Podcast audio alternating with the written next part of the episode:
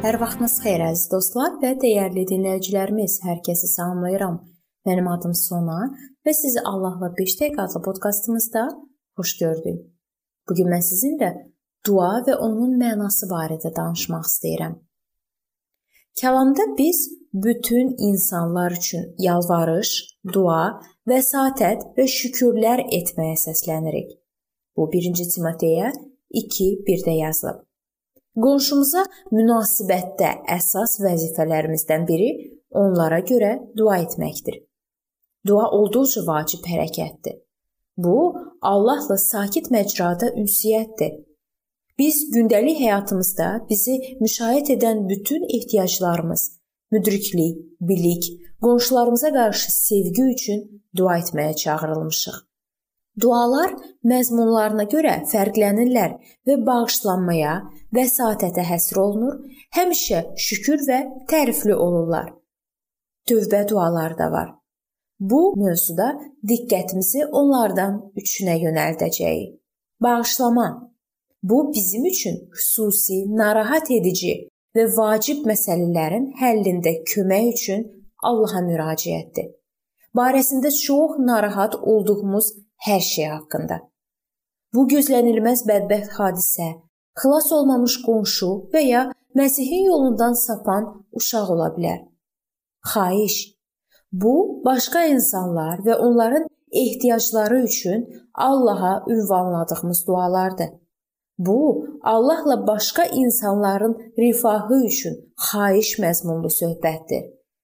Belə dua ilə vaxt itirmədən və zərurət yaranacağı təqdirdə hər an ona müraciət etməyimiz üçün daim Allahla təmasda olmalıyıq. Və üçüncü, şükranlıq. Bu həyatımızda baş verən hər şey üçün şükür ruhunda icra olunan duadır. Filippillərə 4:6-da bu barədə belə yazılır. Hər barədə xahişlərinizi Allaha dualarla yalvarışlarla şükür edə-edə bildirin. Biz bütün insanlar üçün dua etməliyik. Yahudi və ya bütpərəst olsun, inanclı və ya inancsız olsun, maddi vəziyyətindən və dərisinin rəngindən asılı olmayaraq hamı üçün, hamı üçün deməkdir. Heç bir ayrı seçkilik etmədən. Oğrular və pozğun qadınlar, dəhşətli qarma-qarışıqlıq və çirkab içərisində yaşayan insanlar, ciddi xəstəliyi olan insanlar, dünyamızda geniş yayılan bütpərəst kultların qızışdırdığı günahlı həyat sürən milyonlarla insanlar üçün dua etməliyik. Biz həmçinin bütün padşahlar və rəhbərlik edənlər üçün də dua etməliyik.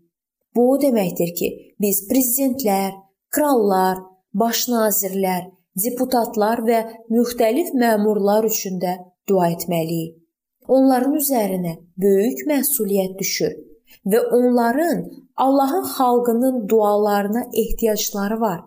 Bizim borcumuz hökumət üzvlərinin hamısı üçün dua etməkdir.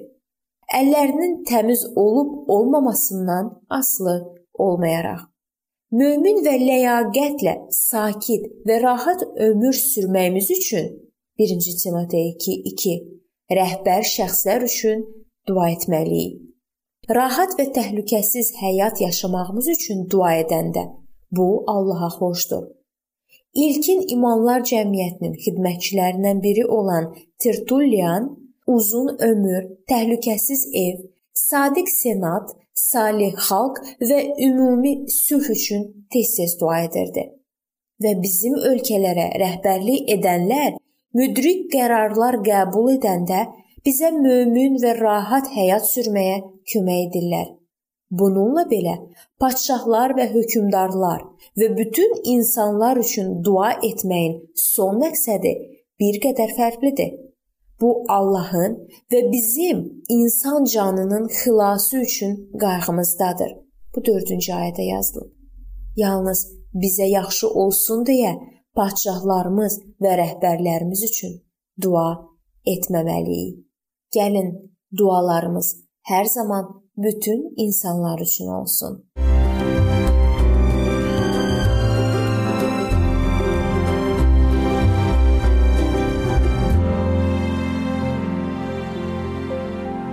Beləliklə əziz dostlar, bu yerdə bu mövzu sona çatdı. Hər zaman olduğu kimi sizi dəvət edirəm ki, bizim podkastlarımızı Facebook səhifəmizdən və YouTube kanalımızdan dinləməyə davam eləyəsiniz. İndi isə mən sizinlə sağollaşıram və növbəti görüşlərdə görməyə ümidi ilə sağ olun, salamat qalın.